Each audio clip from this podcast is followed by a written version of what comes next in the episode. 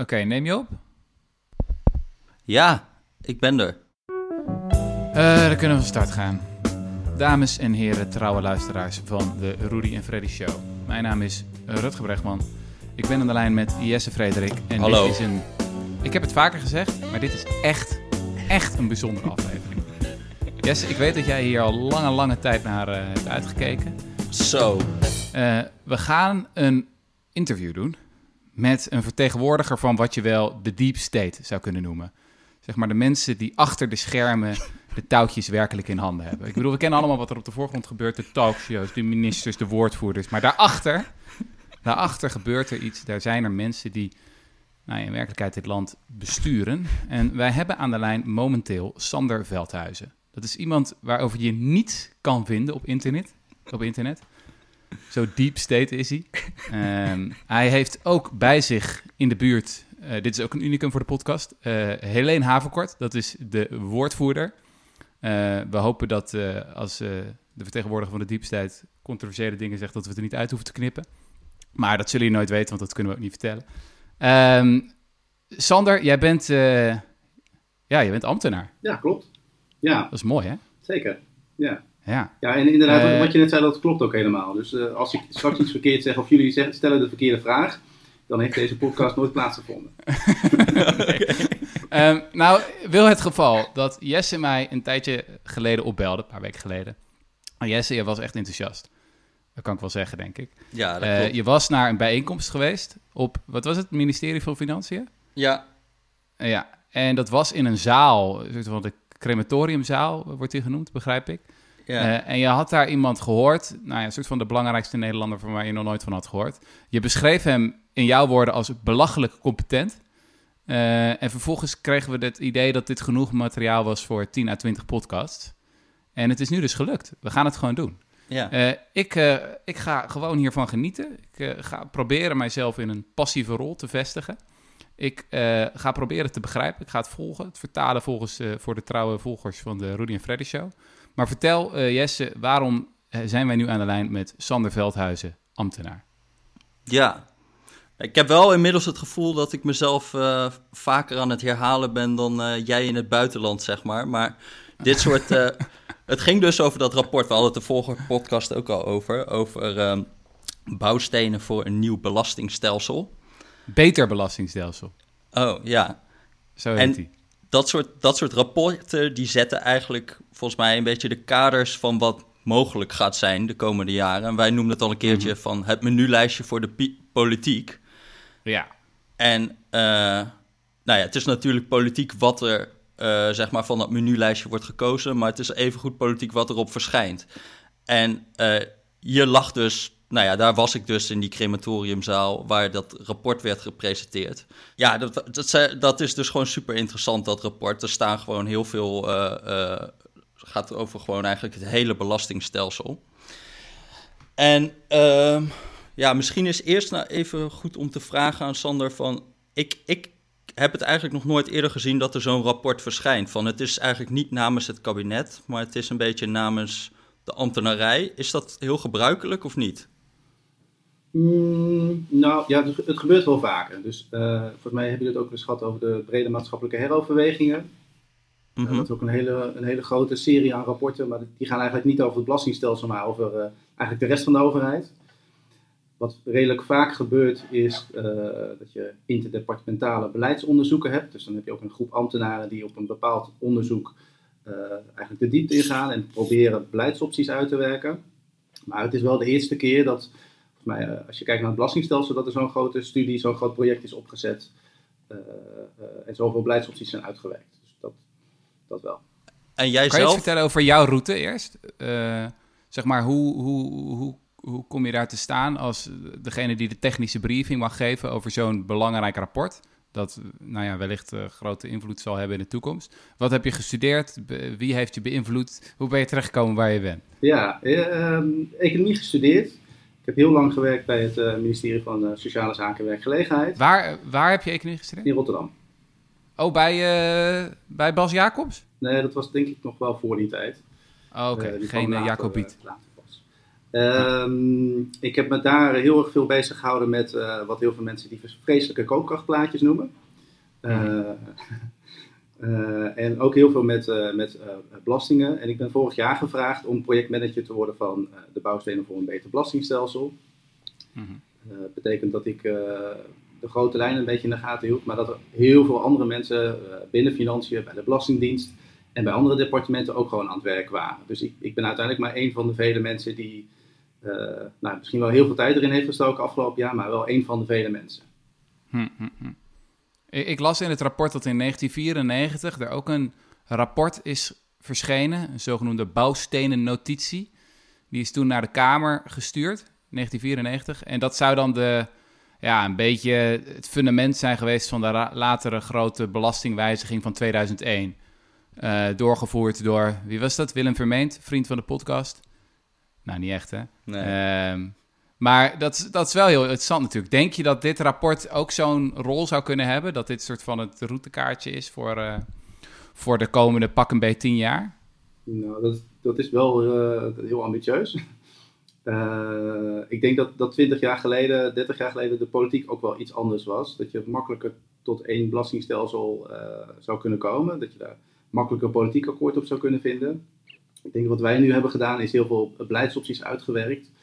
Uh, maar wel iets breder nog dan, dan, dan toen is gedaan. En uiteindelijk dat bij de politiek leggen. Ja, en uiteindelijk moeten zij daar weer een, van die menukaart uiteindelijk een menu maken. En, dan, en daar zelf dan richting een ander, een veranderd belastingstelsel hebben. Maar dat is meer denk ik dan. Toen was het een ene grote Big Bang, nieuw belastingstelsel. Ik denk dat, dat het nu meer evolutie is daar, uh, nou ja, dat het niet, niet één jaar is waar je dat aan kan koppelen. Of. Ja. ja, want dat, is, dat valt wel op in het rapport ook. Dat jullie, jullie analyse is een beetje het, ja, het belastingstelsel raakt uitgewerkt. Dat heet gewoon, geloof ik, ook één hoofdstuk. En dat het steeds lastiger uitvoerbaar is en vaak niet effectief, het belastingbeleid. Um, kun je daar wat meer over zeggen? Van wat, hoe komt dat? Ja, goede vraag. Uh, dit is misschien allereerst gewoon een constatering. We hebben uh, van 104 fiscale regelingen eigenlijk gewoon gekeken, wat komt er nou uit al die evaluaties? En dat blijkt dus achteraf dat je maar van een paar regelingen, uh, mijn hoofd iets van acht regelingen, echt kan zeggen, nou dat is positief. Dat was een beleidsdoel toen niet ooit is bedacht en, um, en dat hebben we ook nog gehaald en het heeft niet te veel geld gekost van het overgrote deel van de, van de regelingen uh, zijn we halverwege de rit deels vergeten waarom we hem ooit hebben ingevoerd. Um, en uit die evaluatie kunnen we soms niet echt meer aantonen of het nou echt effectief is geweest. En waar moet je aan denken bij een fiscale regeling? Uh, nou, misschien een hele grote die iedereen kent, dat is de, de, de hypotheekrenteaftrek. maar er, is, er, zijn ook bijvoorbeeld er zijn ook accijnsvrijstellingen voor kleine brouwerijen bijvoorbeeld. Uh, dus, dus, oh. uh, dus dat is een beetje de. de en werkt dat? Ja, die laatste maakt dus blijkbaar niemand meer gebruik van. Uh, oh. dus die zit een beetje in, in het rijtje, waarom hebben we hem eigenlijk nog? Ja. Ja, ja, ja, ja. Maar, hij bestaat maar het idee is dat de politiek de hele tijd wil sturen met kleine belastingmaatregelen. En zegt van, nou ja, bijvoorbeeld wij houden heel erg van konijnen. Dus de BTW op konijnenvoer, die doen we dan omlaag. En die op hamsters, die houden we even hoog. Serieus, dat zijn echt sommige... In de BTW is ook echt de gekste dingen, kom je tegen. Uh, maar dat is dan het idee van we gaan dat zo doen. Uh, alleen dan wordt vervolgens niet gecheckt of het ook werkt, of er, of er van gebruik wordt gemaakt. En dan is het ook heel moeilijk om er nog vanaf te komen als je het eenmaal hebt. En dan wordt het ingewikkelder en ingewikkelder en ingewikkelder. En op een gegeven moment snapt niemand er nog wat van. Ja, nou ja, het heeft twee kanten. Hè. Dus de Belastingdienst die heeft heel veel ingezet volgens mij op, uh, op, op digitalisering. Als je mhm. echt een heel, uh, heel eenvoudig persoon hebt, geen eigen huis hebt en allemaal recht toe recht aan werknemer bent, dan kan je gewoon via je app in een paar minuutjes aangifte doen. dat, is, dat is echt mhm. uniek, dat is ontzettend simpel. als je net een huis hebt gekocht, of als je net nou, allemaal andere regelingen hebt, dan, dan is het wel heel complex. En dan zie je dat als je een uitgavenregeling hebt, dat er bijvoorbeeld in de wet is vastgelegd, nou je moet hem evalueren. En eh, bij de belastingmaatregelen is het is een soort van richtlijn. Nou, het zou wel aardig zijn als je één keer in de zoveel tijd een keer kijkt of wat we ook doen, dat dat een beetje effectief is. Maar geen verplichting. Ja. Dus, dus dan merk je al meteen dat er een groot verschil is. Ja, dat, dat vond ik ook interessant. Dat jullie hebben een stuk waar het gaat over het verschil tussen eigenlijk een uitgave doen en een belastingaftrek invoeren. En in Nederland is het dus zo, als je uh, bijvoorbeeld een subsidie invoert en die loopt helemaal uit de klauwen en uh, wordt veel meer aan uitgegeven dan je eigenlijk had verwacht, dan wordt er gezegd van nou, dat moet je dan oplossen op je eigen begroting als ministerie. Je mag daar niet overheen, je mag niet te veel gaan uitgeven. Dan komt er een rem op. Um, maar bij belastingen, belastingaftrek is dat dus blijkbaar helemaal niet zo. Um, en dat, is dat ook een reden waarom we dus zoveel van die aftrekposten hebben? Uh, nou ja, er is ook wel een goede reden dat als je een klein beetje minder opbrengsten hebt, dat je daar niet meteen uh, massaal uh, moet gaan belastingen verzwaren. Dus we gaan nu, net, we gaan nu een crisis in. En het is maar heel goed dat we dan niet automatisch de, de belastingen omhoog moeten gooien. Dus dat is volgens mij een hele goede reden. Maar, maar, om, om een voorbeeld te geven, hè, je, had die, had die schenkingsvrijstelling voor de uh, eigen woning. Dus als jij uh, als je een ton wil schenken voor een eigen woning of het aflossen van je hypotheek, dan, nou ja, dan hoefde je geen schenkbelasting over te betalen. Dat was een tijdelijke vrijstelling. Daar kwam toen, dat was ooit begroot, geloof ik, op 100 miljoen euro. En dat werd toen uiteindelijk 1,1 miljard euro. En ik heb daar toen geen kamervragen over gezien van. Dat was een rekenkamerrapport van, nou, dat wordt, wordt dan 1,1 miljard euro. Zijn we een factor 10 overschreden. En je zou toch verwachten als het gaat over een subsidie of een uitgavenpost... en je, en je hebt zoiets, dat het dan toch wel een groter ding is. Dat is bij, toch bij belastingen minder. Ja, ja, we proberen daar ook wel een keer wat aan te doen. Hè. Dus je hebt uh, zoiets als een studiegroep begrotingsruimte... Dat is een mhm. ander uh, onderdeel van de deep state, zeg maar. Die, die kijkt ook wel naar, uh, naar begrotingsregels en wat is, wat is nou zinnig. En dit is nou echt zo'n voorbeeld dat je zegt, ja, als een regeling veel meer heeft gekost, dan zou je daar iets aan willen doen. Kijk, maar uiteindelijk is het wel de politiek die hier iets besluit. Ja, dus, dus, maar ik las bijvoorbeeld in jullie rapport van, jullie adviseren wel misschien wat vaker te werken met horizonbepalingen, heet dat dan. Maar ja eigenlijk maatregelen op voorhand tijdelijk maken. Ja, klopt. En, dat, eh, gebeurt in Nederland wat, wat minder, uh, denk ik. Zeker bij belastingmaatregelen. Uh, dus dan, dan kijk je eigenlijk van, nou, we voeren een regeling in. Laten we zeggen, die bestaat acht jaar. Na x jaar kijk je of die echt effectief is. En als die niet effectief is, dan vervalt die regeling gewoon. dus oh, dan, dan heb je je een beetje een andere uh, basis waarop je terugvalt. Dus je hoeft niet, geen moeite te doen om iets af te schaffen, maar je moet eigenlijk moeite doen, laten zien, uh, een goede regeling maken die ook goed werkt. Ja. ja. Kan je dat ton, kan je dat nog steeds schenken trouwens? Is dat er nu nog steeds? Ja, hè? ja in iets andere vorm, ja. Ja, dat is ah. ook, ja. Want dat is toch maf, dat inderdaad dat zoiets wordt dan tijdelijk ingevoerd, maar dat blijft vaak zo lang hangen. Dat zit ik kan me ook gewoon voorstellen dat ja, op een gegeven moment is de, is de lobby voor bestaande regelingen zo sterk geworden. Dat, uh, ja, dat het lastig is om ergens vanaf te komen. En die kerstboom die wordt ingewikkelder en ingewikkelder. En voor iedere kerstbal die aan de boom hangt, is er weer een ander clubje dat heel hard begint te gillen en te toeteren. Als je hem eraf wil halen. Het is echt hartstikke ingewikkeld. Maar is dat iets wat, een, wat bij jullie in het achterhoofd zit? Van oké, we maken een heel rapport, bouwstenen voor een beter belastingstelsel. Je moet natuurlijk ook nadenken van ja, wie moet dit uiteindelijk gaan, door, gaan doorvoeren? En gaat dat lukken? Ik bedoel, we hebben ook in het verleden gezien dat ineens vernieuwingen, zoals het toeslagenstelsel of zo, ja, dan moet ineens de Belastingdienst toeslagen gaan uitkeren. Uh, nou, we hebben gezien wat daar uh, de resultaten van zijn. Is dat iets wat je dan in het achterhoofd houdt? Van kunnen veranderingen die we voorstellen wel verwerkt worden?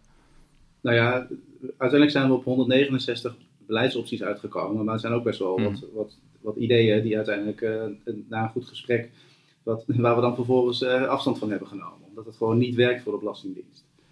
En als je kijkt naar. Zoals? Uh, nou ja, volgens mij, uh, Jesse is bijvoorbeeld een groot voorstander van ehm, een maatregel in de erfbelasting. Eh, dat je uiteindelijk eh, een soort van vrijstelling over je hele leven hebt. ja, ehm, dat heeft hij van mij. Ja, dat is echt een goed idee. nou, dat, mij, Atkinson in Engeland, volgens mij, is een van de mensen die dat ook heeft. Ja, ja, ja. Klinkt heel sympathiek. Uh, maar ja, het werkt misschien pas over 30 jaar, want je moet eerst een hele administratie opbouwen. Uh, en tot die tijd ja, moet je dan zeggen, heb je daar geen belastingopbrengst? Uh, en wie houdt, die, wie houdt die administratie bij? Is het, is het, is het ook nog AVG bestendig? Hè? Dus mag je die informatie allemaal bijhouden? Nu beginnen, Sander. Huh. Dus ja. Oh, ja, ja, ja. Nee, maar dus het idee, het idee voor mensen die, die, die het gehoord hebben is van dat iedereen een soort van vast vrijgesteld bedrag zou hebben wat je aan erfenissen kan ontvangen. Dus laten we zeggen, weet ik veel, een ton of twee ton gedurende je hele leven. En dat mag tien kleine erfenisjes zijn of één supergrote erfenis. Um, maar dan, dan bevoorde je het een beetje dat mensen, als ze een testament aan het schrijven zijn, dat ze eerlijk delen. Dat ze het lekker verspreiden. Uh, dat ze het niet alleen geven aan dat ene verwende zoontje of dochtertje, maar dat ze het ook, uh, nou ja, weet ik veel, aan die sympathieke mantelzorgen geven. Dit is toch een geweldig idee. Maar ik begrijp dat de Deep State het alweer heeft afgeschoten, omdat het onuitvoerbaar is. Nou ja, er is een heel verschil tussen sympathieke ideeën en ook iets uitgevoerd krijgen. Ja, ja, ja, ja, ja. ja. ja. Dit vond ik trouwens ook nog wel een interessant punt in jullie rapport. Dat jullie hebben het dan over. Jullie hebben een heel rapport over de vereenvoudiging van het belastingstelsel. En dat wordt toch heel vaak gezegd van ja, iedereen vindt het natuurlijk te complex. Dus dat moet makkelijker zijn. Maar jullie zeggen dan van ja, wat wordt daar nu precies mee bedoeld, vereenvoudiging? Want uh, heel vaak bedoelen we dan nou vereenvoudiging voor de burger of vereenvoudiging voor de Belastingdienst. En vaak is wat eenvoudiger is voor de burger niet per se eenvoudiger voor de Belastingdienst. Kun je daar wat over zeggen? Nou, ik vind het heel mooi dat je het rapport hebt gelezen. Ik denk dat van alle, alle rapporten, denk ik, vereenvoudiging de meeste mensen toch wel echt afhaken. Ja, oké. Eh, eh, dus dat vind ik wel heel mooi. Uh, nou ja, het is, het is een beetje de vraag, waar leg je de verantwoordelijkheid? Hè? Dus als, uh, als je veel verantwoordelijkheid bij de Belastingdienst legt, zodat de burger niet zo heel veel hoeft te doen, dan is dat ingewikkeld voor de Belastingdienst. dus als je het leven makkelijker wil maken voor de Belastingdienst, ja, dan, dan kan je of een regeling afschaffen, of je legt een deel van de last bij de burger neer. Dus nou ja, dat, dat, is een beetje de afweging. Mm Ik heb ooit geschreven over de psychologie van armoede. En wat, wat, wat echt de hele tijd uit die literatuur komt, is dat uh, nou ja, hoe armer je bent, hoe minder je goed je kan omgaan met die, met die complexiteit. Dus dat je dan dubbel eh, extra pineut bent eigenlijk. Dus hoe complexer het belastingstelsel, ja, de mensen die het minste al die bureaucratie kunnen handelen, die hebben er het meeste last van natuurlijk. Um, je hebt natuurlijk ook allerlei voordelen en zo uh, uh, voor die gericht zijn op uh, om armere mensen of mensen met schulden of zo te helpen. En wat, wat uit sommige Amerikaans onderzoek kwam, dat vond ik echt super interessant toen, is dat um, als je bijvoorbeeld een ingewikkelde studiebeurs hebt waar je allerlei formulieren voor moet invullen, juist de mensen die die studiebeurs het meeste nodig hebben, nou de kans dat die, die dat door die hele formulieren brei gaan komen is niet zo groot. Ik kan me voorstellen dat het ook in, in Nederland zo is. Dat je allerlei mensen die wel recht hebben op fiscale voordelen, dat die dit niet gaan krijgen. Omdat ze niet weten welke er allemaal bestaan en zo. Ja, nee, klopt. Ja, uh... is, dat, uh, is dat te becijferen? Hoeveel we missen? Uh, in dat opzicht? Nou, als je bijvoorbeeld naar toeslagen kijkt, zie je wel dat er voor een paar honderd miljoen niet, niet gebruik is. dat zit vaak niet helemaal aan de onderkant, maar vaak als je net een iets hoger inkomen hebt en dacht, nou, ik, ik heb geen recht meer op die regeling. Uh, en dat blijkt je er achteraf toch nog wel recht op te kunnen hebben. Maar dan heb je een paar honderd miljoen? Heb je het nooit aangevraagd, ja. Dat is echt veel. Ja, op een, op, een, uh, op een som van ruim 10 miljard valt het wel mee, dat zou ik zeggen. Uh, maar... Nou, maar voor die groep, ik bedoel, de armoede kloof heeft SCP een keer berekend. Dus wat zeg maar de Nederlandse armoede collectief onder de armoedegrens zitten, is ongeveer 2 2,2 miljard, geloof ik, op jaarbasis. Dus een paar honderd miljoen voor de mensen die het minste geld hebben, dat maakt nogal een groot verschil. Zeker, ja, klopt. Ja. Nou ja, en ik, ja, dus ik, wat je zegt, dat klopt denk ik ook wel. En er is natuurlijk nu heel veel onvrede over het toeslagenstelsel. Daar hebben we ook wel naar gekeken in de hele uh, bouwsteden. Mhm. En dan zie je wel dat er heel veel verantwoordelijkheid ligt bij mensen waarvan je kan afvragen of iedereen dat wel goed kan dragen. En dan zie je ook wel dat het mensbeeld in 15, 20 jaar ook al is gewijzigd. Dat we misschien ooit dachten, nou, dit is een heel goed idee, we gaan die mensen ondersteunen. En dat je daar nu naar kijkt en denkt, nou ja, we hebben daar wel heel veel verantwoordelijkheid uh, gelegd. Uh, uh, en moeten we dat niet op een andere manier vormgeven? Hm. Ja. Gaat dat gebeuren, denk je? Gaat het toeslagenstelsel er helemaal uit? Nou, de Kamer heeft een motie aangenomen waarin ze zeggen, dat was voor mij door de hele Kamer aangenomen, dat ze alternatieven voor het huidige toeslagenstelsel willen zien. Maar ja. vervolgens gaan ambtenaren dat uitwerken. En daar zijn ook weer allemaal rapporten van uitgekomen. En, en dan die zeggen, ja, zo makkelijk is het nog niet. Ja. uh, dan moet je ook wat duidelijke politieke keuzes maken. Ja, misschien kunnen we het daar toch even over hebben. Want dat, het, dit is wel iets wat volgens mij... Ik, ik ben toevallig ook bezig met zo'n stuk over die toeslagenaffaire. En je ziet al dat in die tijd... En dan hebben we het echt tien jaar geleden of zo... Over, uh, uh, dat het toen al begon met voor, een soort van... we moeten dit anders doen we willen voorstellen voor, weet ik veel, directe financiering van kinderopvanginstellingen. Dat is toen allemaal uitgewerkt. Uh, dat is het, heeft, de huishoudtoeslag was er op een gegeven moment nog een idee voor. Heeft het allemaal niet gehaald. En nu zijn we toch weer van het moet weer, toch weer uh, helemaal anders. Maar waarom lukt het elke keer niet? Wat, is het, wat maakt dit zo ingewikkeld? Um, nou, in, de, in die 10, 15 jaar hebben we ook het toeslagenstelsel eigenlijk flink, flink opgeblazen. Dus uh, als je kijkt wat er nu is gebeurd, die zorgtoeslag, nou ja, die, is, die is meer dan verdubbeld voor lage inkomens. Er zijn veel meer geld gaan uitgeven aan kinderopvangtoeslag. Dat kindgebonden budget, dat uh, was ooit een, een, fiscale korting van enkele tientallen miljoenen, is nu een paar miljard wat we eraan uitgeven. Wow. Dus we, we, hebben het ook wel flink opgeblazen. En we zeg ik dan, uh, we in Nederland. Hully in Den Haag. Uh, en als je dan gaat kijken naar alternatieven, ja, dat is nog best lastig. Dat betekent dat uh, bepaalde groepen op achteruit gaan. En dat betekent dat je misschien bepaalde beleidsdoelen niet meer kan halen. of dat je misschien juridisch een risico neemt, omdat je, omdat het, omdat je niet zeker weet of dat in de Europese richtlijnen precies past als je een hele grote stelselherziening gaat doen. en dat betekent soms ook, ja, je noemde de, de kinderopvang. Uh, ja, als we daar andere keuzes maken, betekent eigenlijk een stap richting een meer publiek stelsel. Ja, dat betekent wel dat je de marktwerking daar, die nu nog bestaat, dat je daar dan afstand van neemt. Dat zijn best gevoelige politieke keuzes.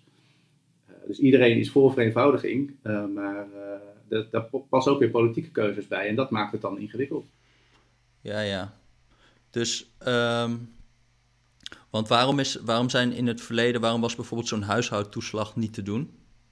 Dan zouden ze eigenlijk alle toeslagen wilden ze gaan samenvoegen, toch? In één toeslag. Ja, klopt. Ja, ik... Hebben ze dat niet ook in Groot-Brittannië? Ja, daar, daar, hebben ze een universal uh, income. Hé, uh, hey, dat klinkt goed, Rutger.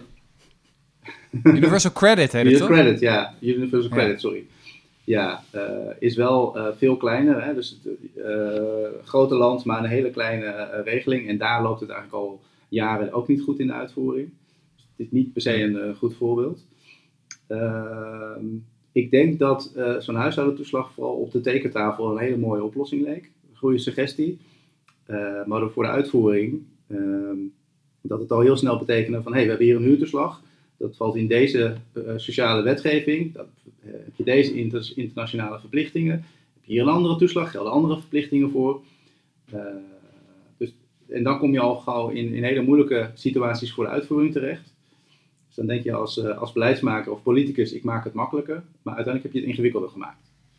Ja. Hm. En is dit ook een soort van uh, universele wat je vaak ziet, van dat vereenvoudigingsoperaties toch vaak het ingewikkelder maken? Uh, nou, ik denk dat we over per saldo gezien het soms ook wel echt makkelijker kunnen maken. Mm -hmm. Uh, maar ja, kijk, wanneer het ingewikkeld wordt, is als je dan weer bepaalde groepen wilt compenseren. En dan maak je een, een nieuwe regeling voor om die mensen te compenseren. En uh, dan maak je het. Ja, je hebt heel veel smeergeld nodig eigenlijk om een verandering ja. te doen. In ieder geval tijdelijk moet je allemaal mensen wat checks uh, uitschrijven. Van als jij nou, krijg jij een beetje geld, jij een beetje geld, even je mond houden. Dat, en dan kan je, weer, ja. dan kan je het veranderen, ja. ja. Hey, laten we het even over even de mooie dingen in het rapport we even kunnen genieten. Want uh, een van de grote problemen natuurlijk al tijden, al decennia, is dat de arbeid, factor arbeid steeds harder wordt gepakt in Nederland. De, de boete op succes noemen we dat ook wel. uh, terwijl de factor kapitaal, het rentenieren, het laksen, het niks doen, het, uh, ja, ja, ja, tuurlijk. Ja, zo kan ik het wel noemen. Dat kapitaal eigenlijk steeds minder wordt, wordt belast. En uh, dat schrijven jullie ook, dat dat wel een probleem is. Dat, uh, en dat er dus eigenlijk een verschuiving op gang moet komen. Uh, dat het moet, ja, moeten gaan proberen om arbeid minder hard te pakken en kapitaal harder. Ehm, zeg ik goed, toch? En nou, nou zat ik bijvoorbeeld te kijken naar de erf- en schenkbelasting. Dat is een van de favorieten eh, van de Rudy en Freddy show. Maar dat is wel huilen met de pet op, hoor. Want we halen 300 miljard belasting op per jaar in Nederland. En 1,7 miljard is erf- en, schen- erf- en schenkbelasting. Ook wel de lakstaks genoemd. Ja. Ehm, dat, is, dat is niet best. Ehm, Nou ja, hoe, hoe, ga- je- hoe gaan we dat ook- veranderen? Je kan ook zeggen, fijn dat we in ieder geval nog 1,7 miljard eh, ophalen. Eh, Immer de je, hebt optimist. ook, eh, je, je hebt ook, je hebt ook Scandinavische landen, toch een beetje de, so- de sociale heilstaat voor sommigen, waar ze helemaal geen schenk- en erfbelasting hebben. Dus dan is het nog fijn dat wij 1,7 miljard ermee ophalen. Ja, dat is curieus, hè? Oh ja. Dat, dat is curieus, ja. Ja. ja. Eh, maar laten we, even de, laten we even de diepte ingaan. Wat is eigenlijk, wat is een kan, je- kan je een soort van schets geven van, van inderdaad deze, deze problematiek? Eh, druk op arbeid is toegenomen en jullie verwachten ook dat die nog verder gaat toenemen als we Ja. niks doen? Klopt. Ja, dus van de, eh, wat je zegt, dat klopt. Hè? Dus van de 300 miljard aan belastingopbrengsten is, is bijna alles eigenlijk op, op arbeid of op inkomen.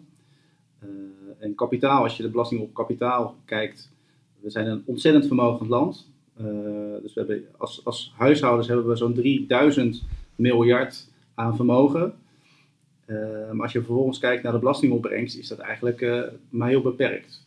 Dus je hebt, eh, Hm. De eigen woning wordt belast in box 1, maar is eigenlijk gewoon een, een hypotheek en aftrek is eigenlijk een belastingvermindering. Je- Ja, dat vond, ik- maar dat vond ik een bizar staafje. Wij zijn er echt Ja. uniek toch in, in Europa? Nou ja, wel in de ruimheid van de regeling, maar ook andere landen hebben wel een vorm van hypotheek en aftrek. Dus dat, dat ja, maar ik bedoel, dat, dat voordeel, dat, dat, eh, want dat was het staafje kapitaal, in, of belasting, kapitaal, inkomen, huishoudens. Ja. Dat, dat, ging, dat was gewoon negatief. Ja. Hoe moet ik dat begrijpen? Eh, nou, dat, dat we dus per saldo gewoon eh, eh, belastingkorting geven. En dat, Hmm. Wat op zich wel, wel grappig is als je er met een beetje afstand naar kijkt. Er is heel veel discussie over box 3. We belasten het spaargeld veel te veel. Dat levert eh, zo'n 4 miljard op. Dan hebben we box Mhm. 2. Daar zitten de, de aanmerkelijk belanghouders. Dat levert ook een paar miljard op. Wat is dat? Aanmerkelijk belang? Dat is aandelen en zo. Ja, als jij meer dan 5% aandelen hebt van, van een BV, dan, dan, dan belasten we dat niet in box 3, maar in box 2. Eh, Ja. Dus als jij eh, zeg maar directeur groot aandeelhouder bent van een, eh, van een bedrijf, dan zit jij in box 2. Omdat je dan Ja. ook zeggenschap hebt het is, het is iets meer dan alleen een belegging. Maar als je, Ja. als je vervolgens kijkt naar box 1, waar je dus inkomen uit, uit arbeid, maar dus ook de eigen woning in stopt, eh, daar, daar kost de hypotheekrenteaftrek 8 miljard. Dus per saldo eh, zou je kunnen zeggen, we belasten vermogen eigenlijk niet in de inkomstenbelasting. Eh, want eh, wat we kwijt zijn in box 1 is net wat we met box 2 en box 3 ophalen. Ah, ja. Dus, dus, hè, dus er is heel veel kritiek op, eh, op box 3 en we belasten misschien spaargeld in Nederland wel veel te zwaar. Maar per saldo belasten we misschien het eh, vermogen in Nederland nog relatief licht. En het beetje belasting op vermogen dat we nog, eh, nog ophalen, komt vooral van de, van de bedrijven, van de vennootschapsbelasting vandaan. Ja, Maar ja. Waar we dan toch wel wel blij zijn dat die da- daar dan nog wel belasting betalen. Ja, want dat is de reactie die mensen hebben. Die zeggen, nou, vermogen wordt niet belast in Nederland. Wel, wel eens. Eh, want eh, de vermogensrendementheffing is, eh, wat is het, 1,2 procent? Of dan een fictief rendement van 4 procent of zo wordt meegerekend. En dat is een grote schande, want mijn rente bij mijn Triodos is nul. Serieus, is nul. Of misschien is het inmiddels al negatief. Kan ook, ja. Dat je gewoon aan het betalen bent Ja. voor, voor sparen. Nee, het is weer die boete op succes en op vlijtigheid en op Calvinisme. Maar, maar eh, dat is natuurlijk maar een hele kleine, heel klein deel van wat we überhaupt ophalen. Weet je wel, de, de, de opa's en omaatjes met een spaargeld, die kunnen dan heel boos worden als, als zo'n opwerking wordt gemaakt. Maar het gaat natuurlijk eigenlijk niet over hen. Het gaat over de grote kapitaalbezitters met hun, eh, de, de, de Prinsjes Bernhard met hun eh, 500 huizen. Toch? Daar hebben we het toch over. Toch diep aan jou. ja. Maar misschien kunnen Nee, wij het even... gaat ook gewoon echt, het gaat, als je kijkt naar het vermogen, ehm, het 3000 miljard zit eigenlijk, het, het grootste deel van het vermogen zit in pensioenvermogen. Dat is dus eigenlijk gewoon van alle werknemers. En een heel groot deel zit in de eigen woning. Dus eh, nou, dat zit ook bij jullie, zeg maar. Hm.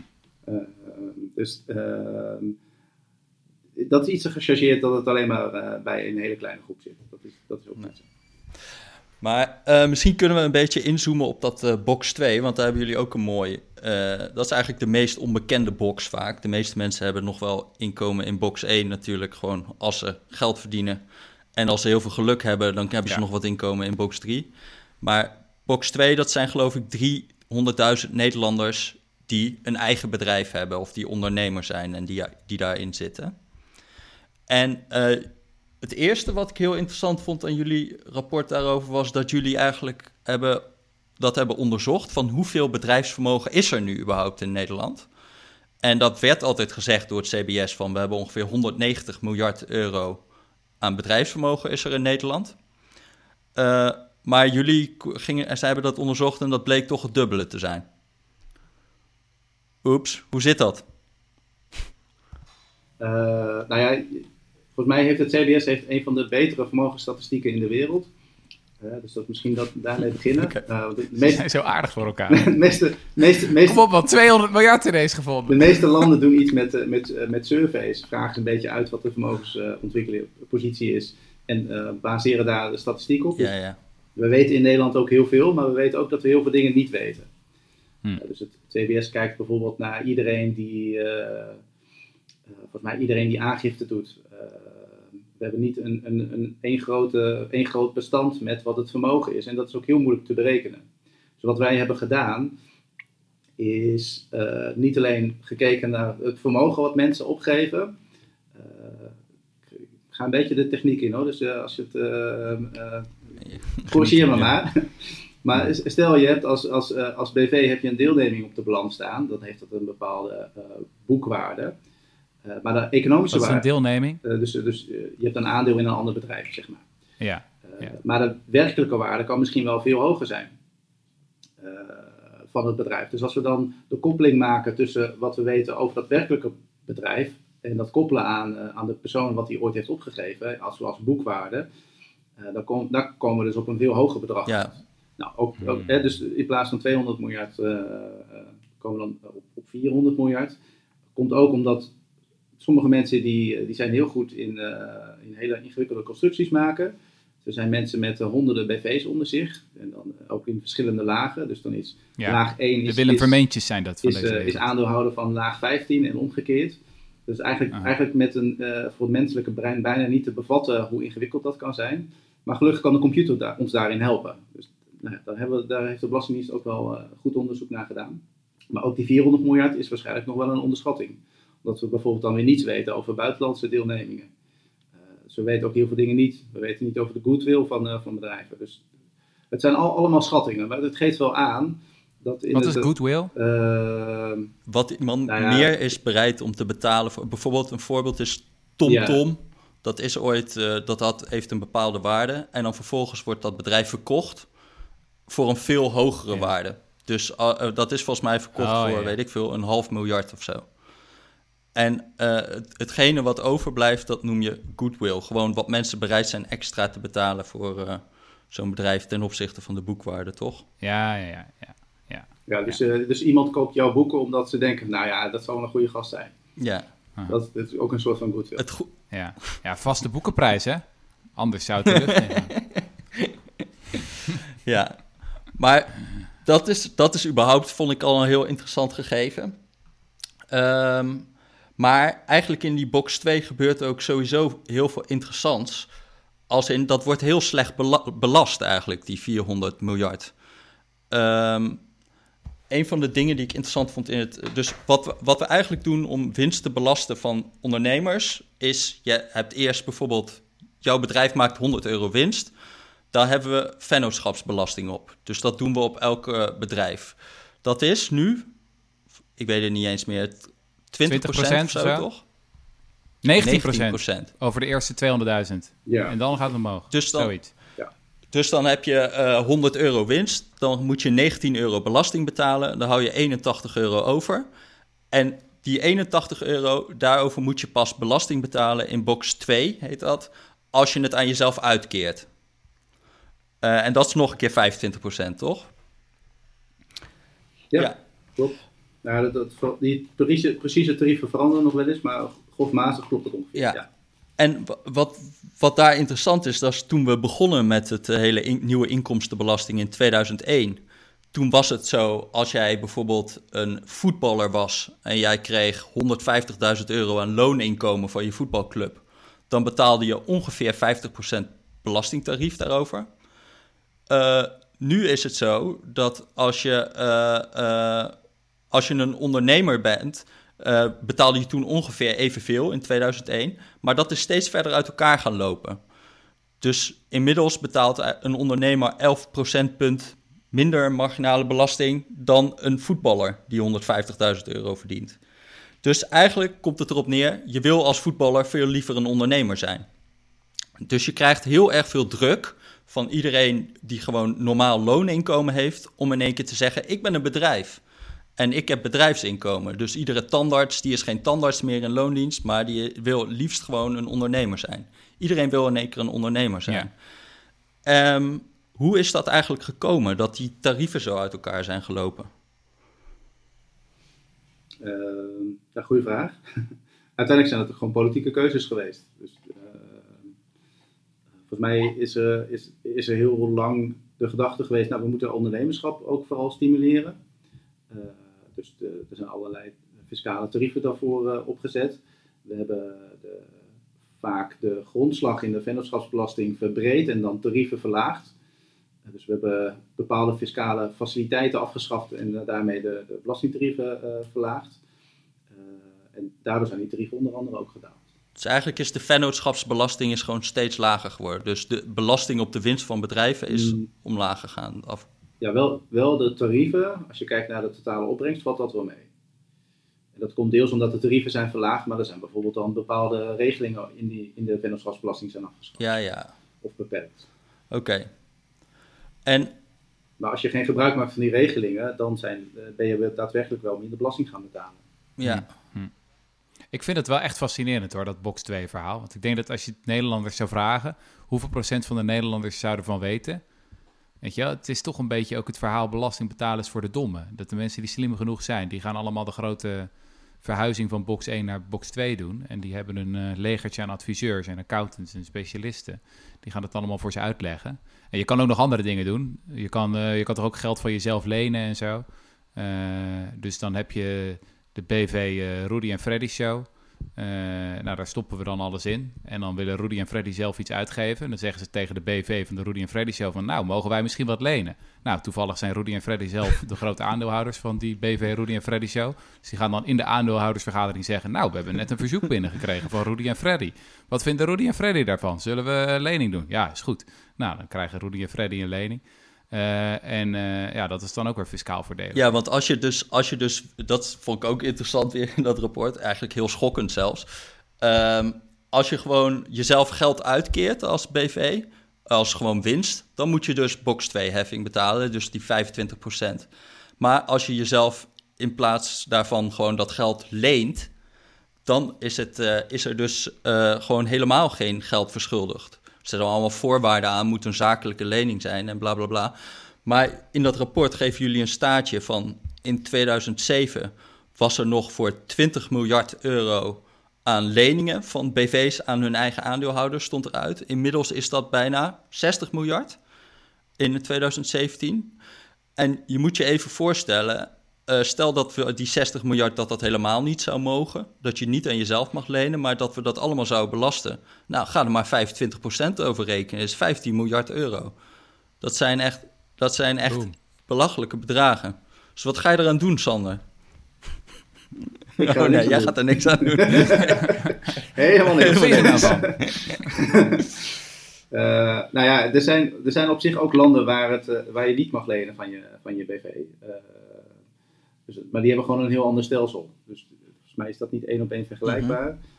Uh, ik denk dat, het, uh, nou, dat, dat, er ook wel reden is om naar te kijken. En dat, er gebeurt ook wel wat. Hè. Het kabinet neemt ook maatregelen op om in ieder geval de, de, de aan de bovenkant de, de grootste leningen te beperken. Uh, ja, uiteindelijk is dat een politieke weging. Um, ga je het helemaal afschaffen of ga je het gewoon beperken? Hou je het op hetzelfde niveau? Ja, de, wenselijkheid, daar kan ik niet heel veel uitspraken over nee. doen wij constateren vooral dat het er is. Uh, en dan, dan houdt onze taak een beetje op als ambtenaar. Ja. En dan is het ook weer een andere. Ja. En zijn er een soort van. Uh, want je ziet wel in die box 2 dat, dat wat eigenlijk de totale grondslag zou moeten zijn. Dat is heel erg uitgehold door allerlei manieren om het te kunnen uitstellen of van je eigen BV te kunnen lenen. Dus je ziet van um, bedrijven maken, nou ja, maar, maar 20% van de winst die ze maken, keren ze ook aan zichzelf uit. En dat is natuurlijk logisch, want pas als je het aan jezelf uitkeert, moet je die belasting betalen. Dus wat je heel goed kan doen in die box 2 is heel lang belasting uitstellen. Uh, ja.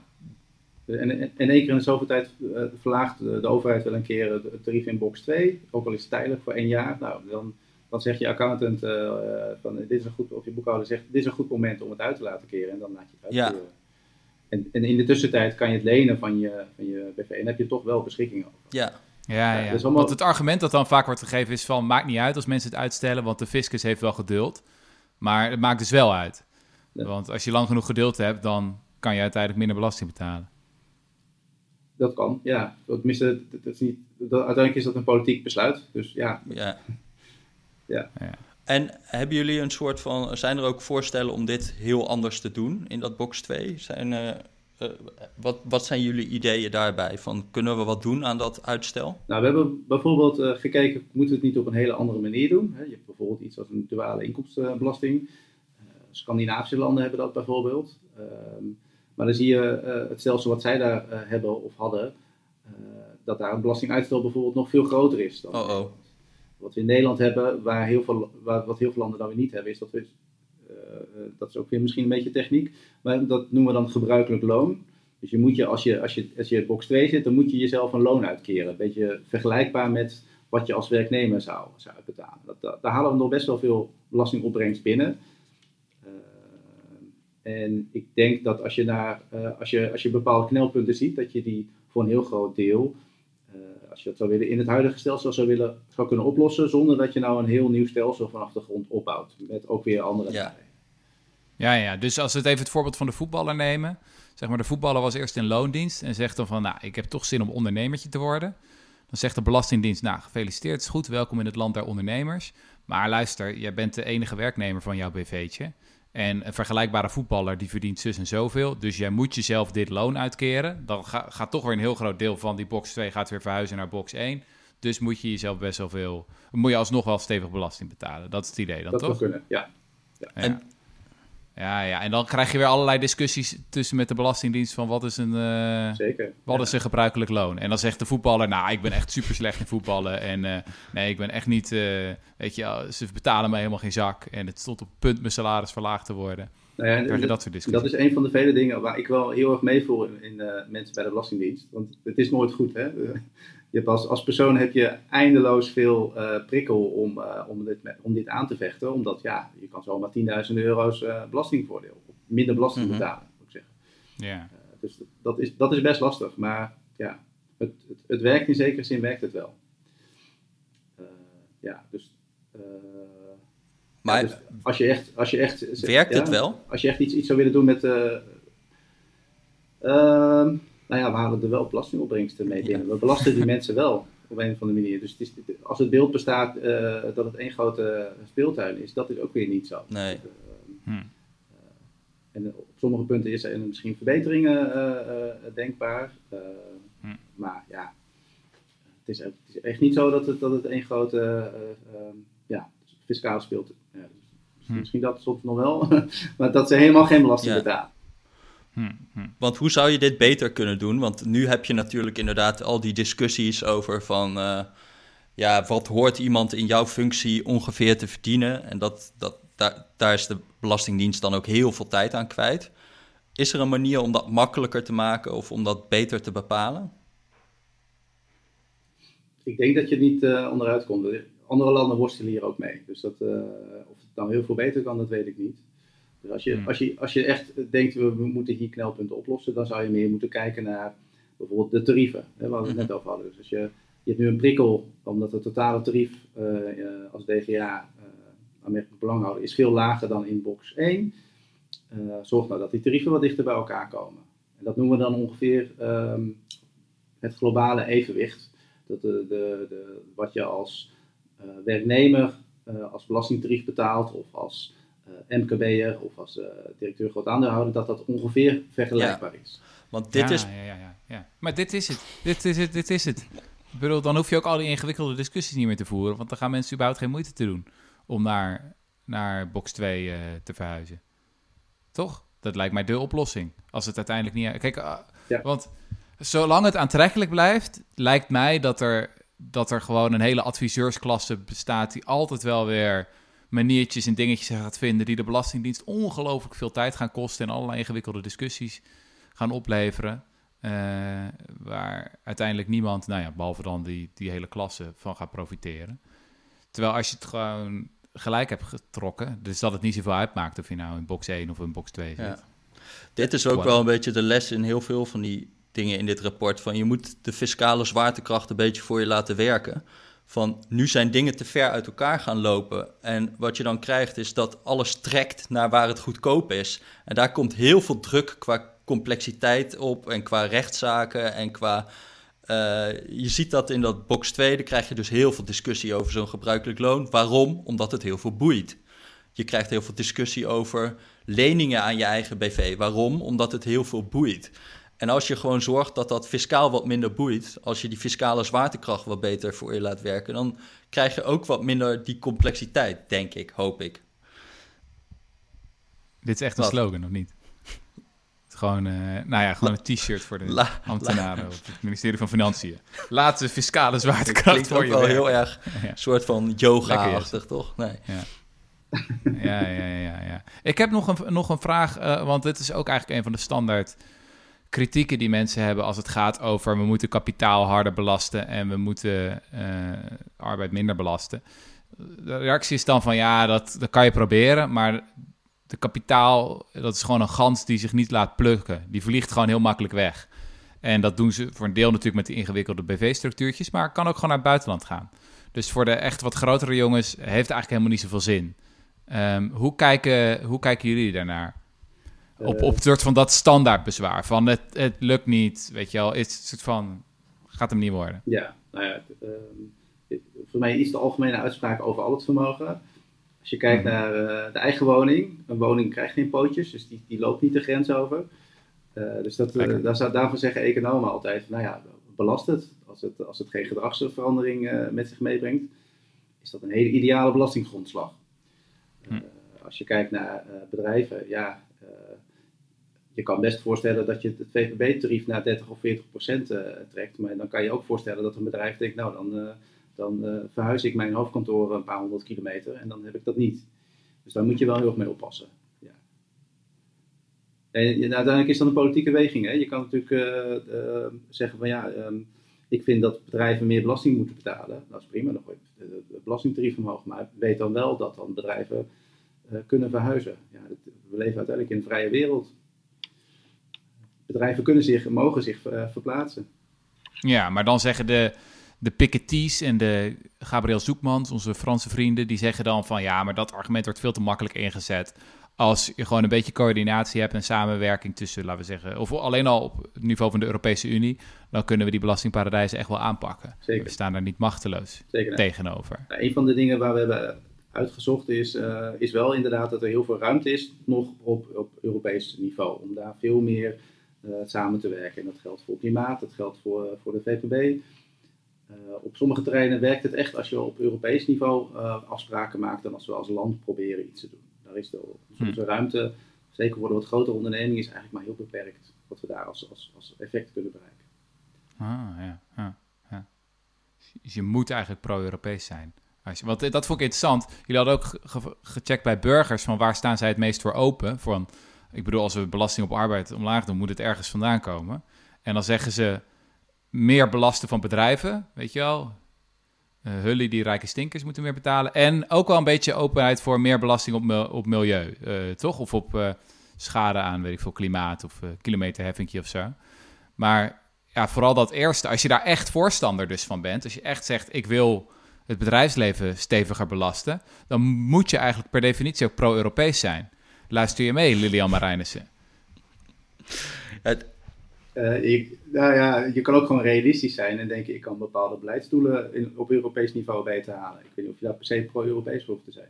Je kan nog steeds ontzettend kritisch zijn op hoe dat, uh, hoe dat daar gaat, denk ik.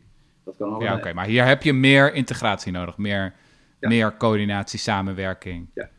ja. Hey, kan, kunnen we nog even een rondje doen over de bedrijfsopvolgingsregeling? Gewoon als een soort, volgens mij hebben we dat hier ook vaak in de podcast gedaan, maar er staat weer mooie dingen over in.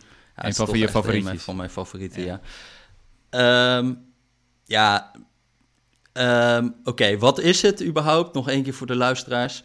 Als jij een bedrijf erft, um, dan betaal je dus aanzienlijk minder erf- en schenkbelasting. En dat is een regeling die is ooit ingevoerd uh, om er eigenlijk voor te zorgen dat je niet te veel.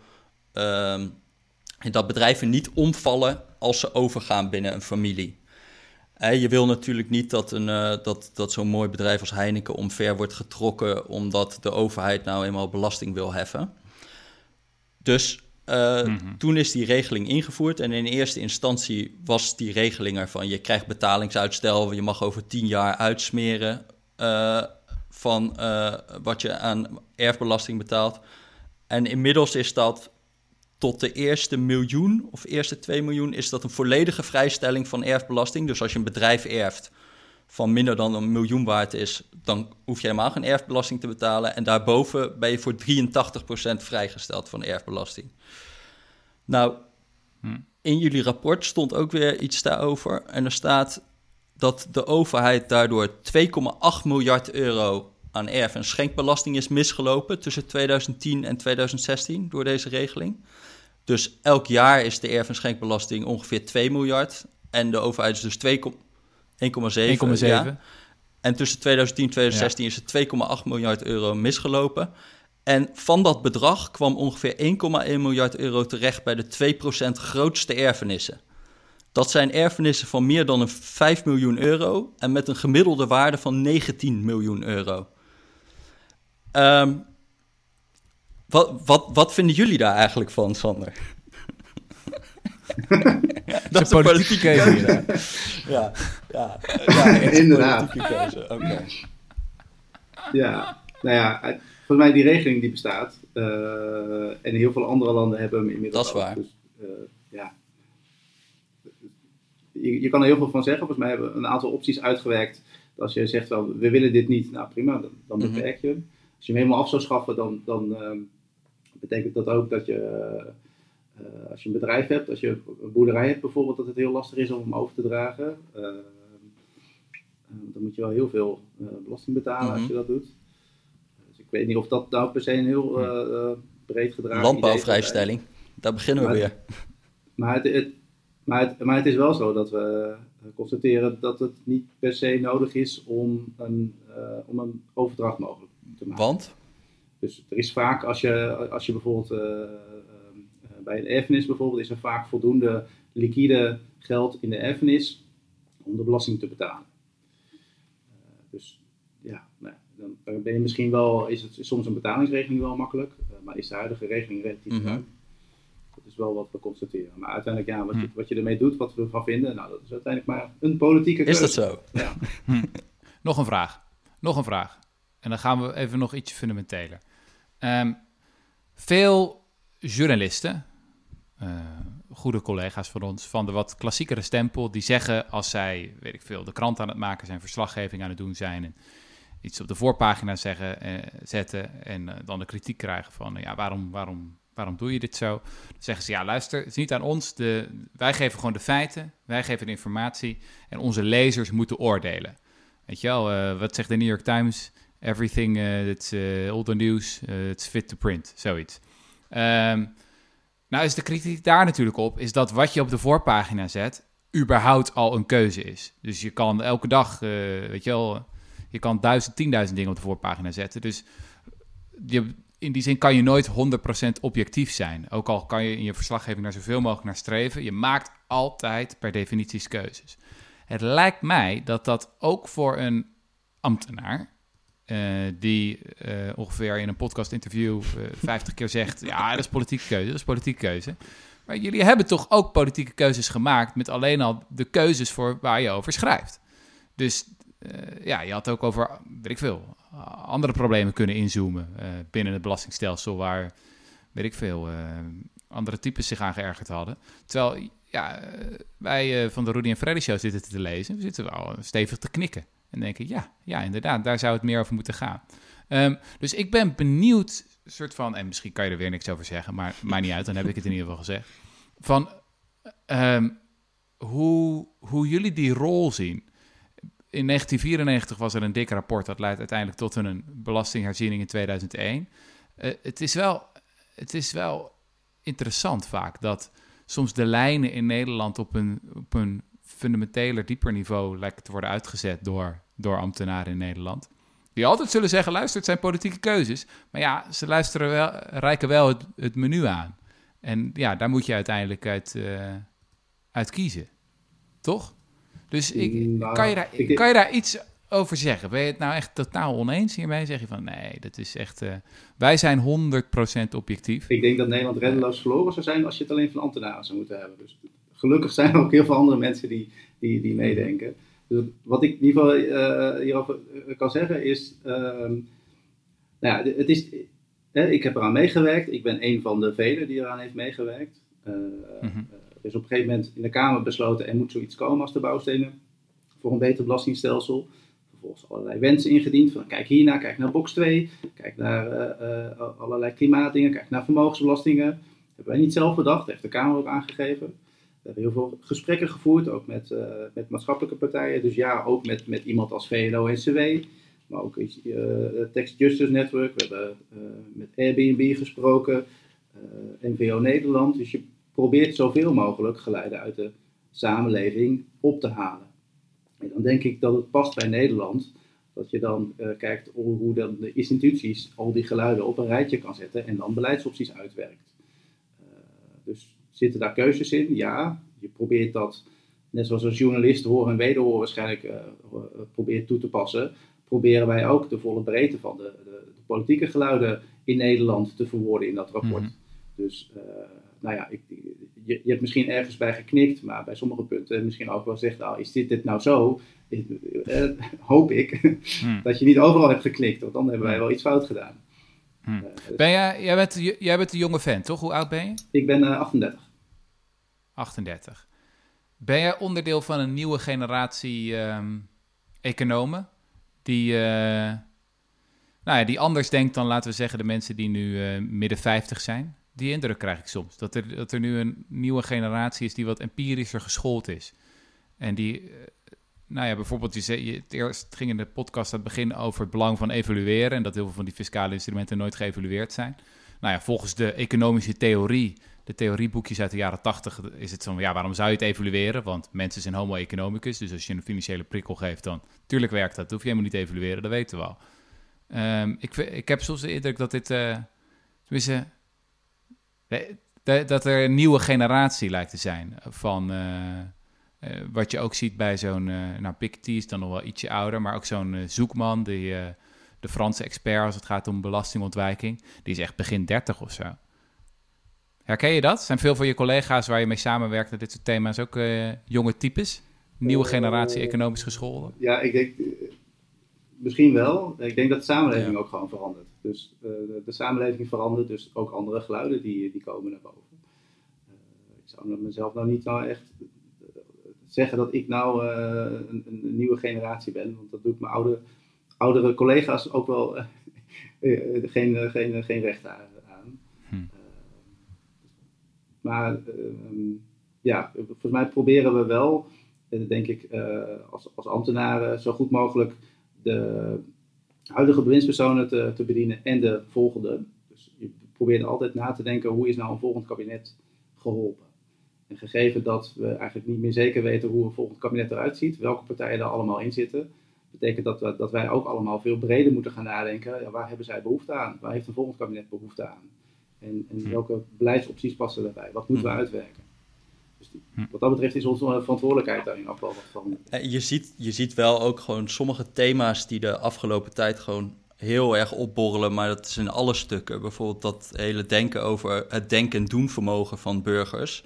Ja, er is bijna geen rapport meer wat ik lees van de overheid waar niet het woord doen vermogen in voorkomt.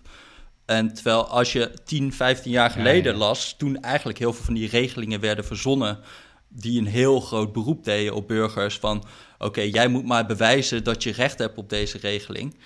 Uh, dat denken is helemaal omgedraaid. En daar zijn we veel meer van, uh, moeten daar veel dienstverlenender zijn en niet te veel verwachten van burgers. Uh, dat is denk ik, ja, ik hm. weet niet of dat een generatieding is of dat dat inderdaad een soort tijdsgevricht ding is. Dat we, het is ook wel mooi, toch? Dat we gewoon leren. Zeker. Ja, ja, ja, ja, ja, ja, ja, Ik vond het mooi, uh, mensen. Hebben we nog meer of uh, zeg maar? Uh, nee, ik, uh, ik, ik, ik heb het wel, denk ik. Ik ben, ja. Ja, hè? ja. Hoe, hoe, hoe vond jij het? iets voor herhaling vatbaar, een ambtenaar interviewen? Ja, ik, ja, ik vond het leuk. Luisteren ze ook de Rudy en Freddy show eigenlijk op het ministerie? Zeker, zeker. Okay. Dat is een politieke keuze, hè, Sander? nee, want er zijn ook heel veel andere podcasts. Oh, oké, okay, gelukkig. Oké, heel mooi, heel mooi. Nou, uh, we willen je heel hartelijk danken voor je tijd. Uh, dit was live vanuit de Deep State. Uh, Sander, Sander Veldhuizen. Um, ja. Jesse. Oh ja? Vond je ook weer scherp vandaag? we gaan gewoon weer door ja. met de zwarte vlag. of althans, wij natuurlijk. Jullie stiekem.